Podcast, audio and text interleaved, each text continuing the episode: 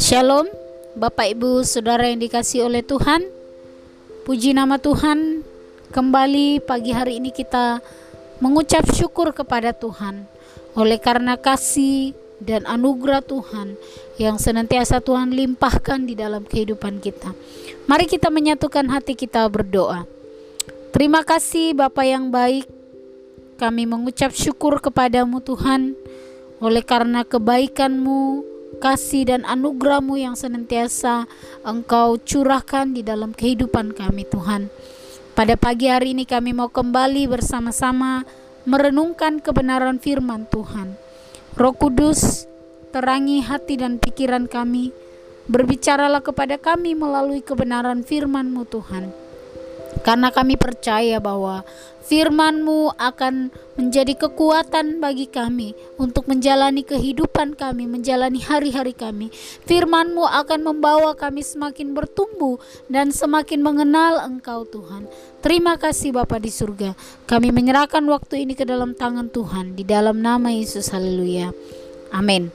Bapak Ibu Saudara yang dikasih oleh Tuhan, renungan kita pada pagi hari ini terambil dari Yesaya pasal 26 ayat 1 sampai ayat yang ke-21.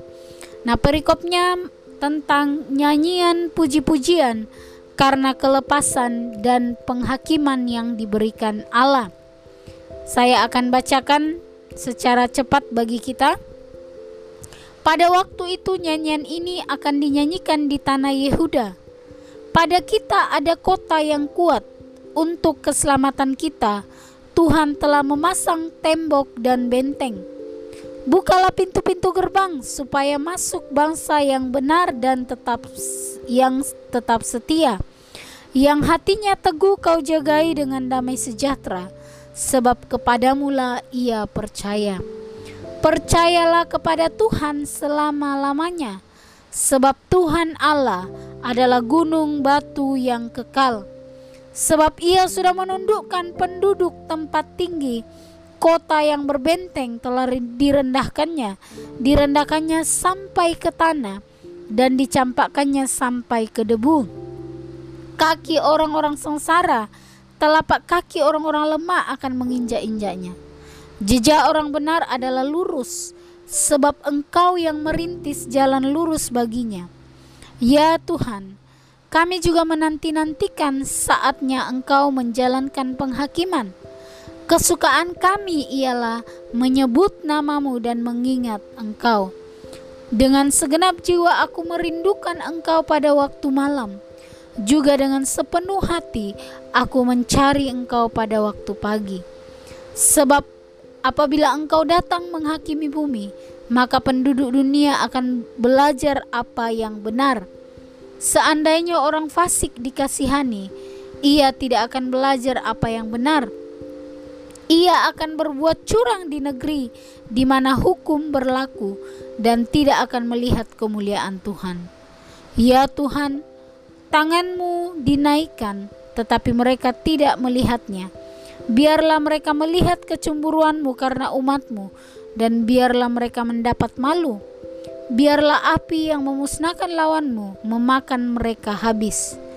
Ya Tuhan, Engkau akan menyediakan damai sejahtera bagi kami. Sebab segala sesuatu yang kami kerjakan, Engkaulah yang melakukannya bagi kami.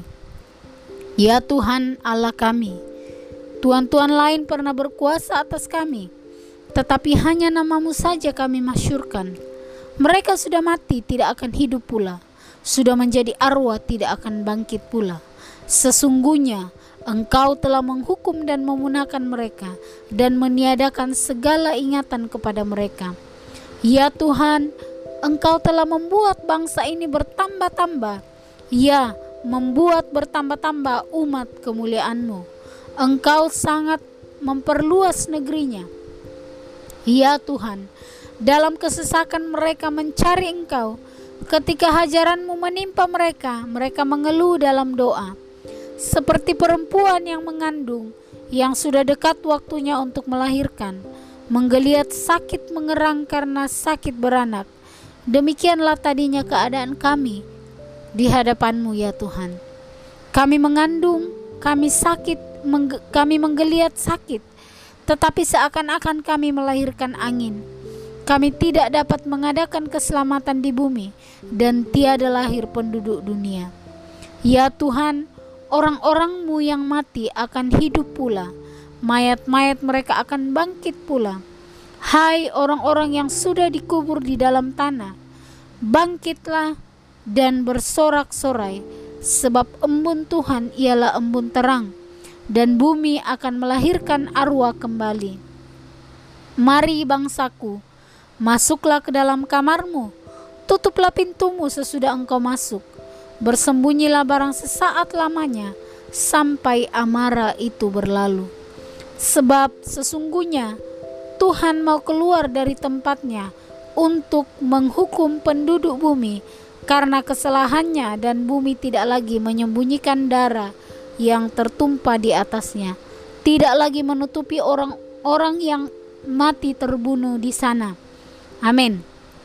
Bapak Ibu Saudara yang dikasih oleh Tuhan, Yesaya pasal 26 ini merupakan sebuah nyanyian pujian kepada Allah di mana di dalam uh, isinya merupakan sebuah penyembahan dan uh, kesaksian yang dinaikkan oleh bangsa Israel yang bertobat ya dan dipulihkan di dalam masa kerajaan ya.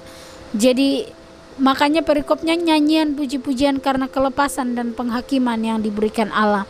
Nah, di dalam uh, pasal 26 ini ada beberapa hal yang dapat kita pelajari ya di dalam uh, ayat yang uh, pertama dikatakan pada kita ada kota yang kuat untuk keselamatan kita. Tuhan telah memasang tembok dan benteng. Yang pertama, seperti pujian ini mengatakan bahwa Tuhan itu adalah penjaga dan pelindung. Ya. Mereka mengakui bahwa Tuhan adalah penjaga, Tuhan adalah pelindung. Oleh karena itu, Bapak Ibu Saudara, tempat kita untuk berlindung itu hanya kepada Tuhan. Waktu kita mengalami ketakutan, waktu kita mengalami masalah, waktu kita sedang dalam keadaan yang e, membutuhkan pertolongan, tempat terbaik untuk kita datang berlindung adalah datang kepada Tuhan. Kadang-kadang kita mengandalkan manusia atau orang-orang yang mungkin kita anggap sebagai bisa melindungi kita, tetapi manusia terbatas. Allah adalah tempat perlindungan yang kokoh.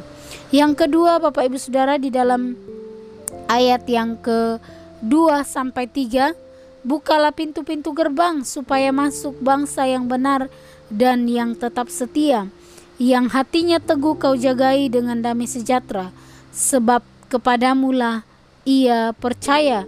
Kemudian di dalam ayat yang uh, ke-12 dikatakan, "Ya Tuhan, Engkau akan menyediakan damai sejahtera bagi kami, sebab segala sesuatu yang kami kerjakan, Engkaulah yang melakukannya bagi kami." Bapak Ibu Saudara, yang kedua yang dapat kita pelajari dari Yesaya pasal 26 ini bahwa orang benar dan setia itu dijagai hatinya dengan damai sejahtera, dilimpahkan Tuhan dengan damai sejahtera.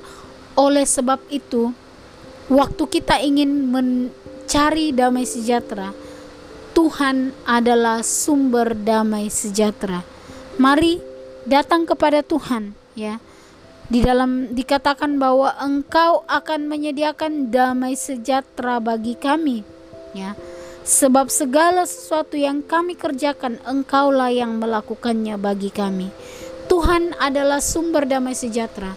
Mari kita mencari kesejahteraan hanya dengan datang kepada Tuhan bukan ke tempat-tempat yang lain kadang-kadang waktu kita sedang dalam situasi e, masalah dan juga tekanan kita ingin mencari kedamaian, kita ingin mencari ketenangan, sehingga kita mulai mencari ketenangan di luar sana. Tetapi ketenangan di luar sana hanya ketenangan semu. Ya, yang pasti akan mengecewakan kita kembali. Tetapi waktu kita mencari ketenangan, kita tahu bahwa Allah sumber damai sejahtera itu, kita datang kepada sumber itu. Yang ketiga, Bapak Ibu Saudara, kita belajar bahwa yang di dalam ayat yang keempat, percayalah kepada Tuhan selama-lamanya, sebab Tuhan adalah gunung batu yang kekal. Yang ketiga, Mari percayalah kepada Tuhan selama-lamanya ya. Karena Tuhan adalah kekal. Dia tidak goyah ya. Ke keyakinan bahwa Allah itu kekal, Tuhan itu kekal dan tidak goyah membuat kita untuk mempercayai Dia di dalam segala hal. Ini menjadi satu jaminan bagi kita untuk tidak ragu-ragu percaya kepada Tuhan di dalam segala hal. Dalam hal apa pun, mari mempercayai Tuhan sebab Dia Allah. Dia Allah yang kekal, Dia tidak goyah. Kemudian Bapak Ibu Saudara di dalam ayat yang kelima, sebab Ia sudah menundukkan penduduk tempat tinggi, kota yang berbenteng telah direndahkannya, direndahkannya sampai ke tanah dan dicampakkannya sampai ke debu. Kaki orang sengsara, telapak kaki orang-orang lemah akan menginjak-injaknya. Yang keempat adalah kita belajar bahwa ingat Tuhan merendahkan orang-orang yang sombong.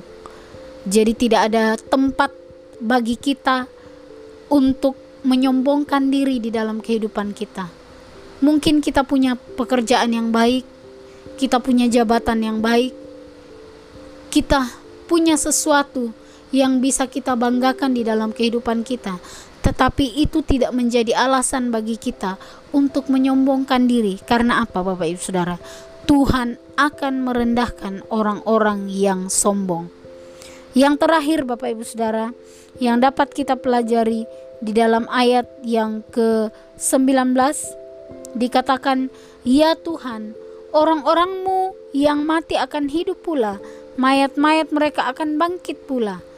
Orang-orang, hai orang-orang yang sudah dikubur dalam tanah, bangkitlah dan bersorak-sorak, sebab embun Tuhan ialah embun terang, dan bumi akan melahirkan arwah kembali."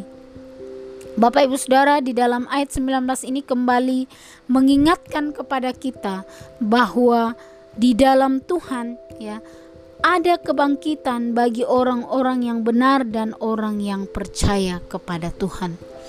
Jadi waktu kita hidup di dalam Tuhan, waktu kita hidup di dalam kepercayaan kita kepada Tuhan, ada jaminan kebangkitan bagi orang yang benar dan percaya kepada Tuhan.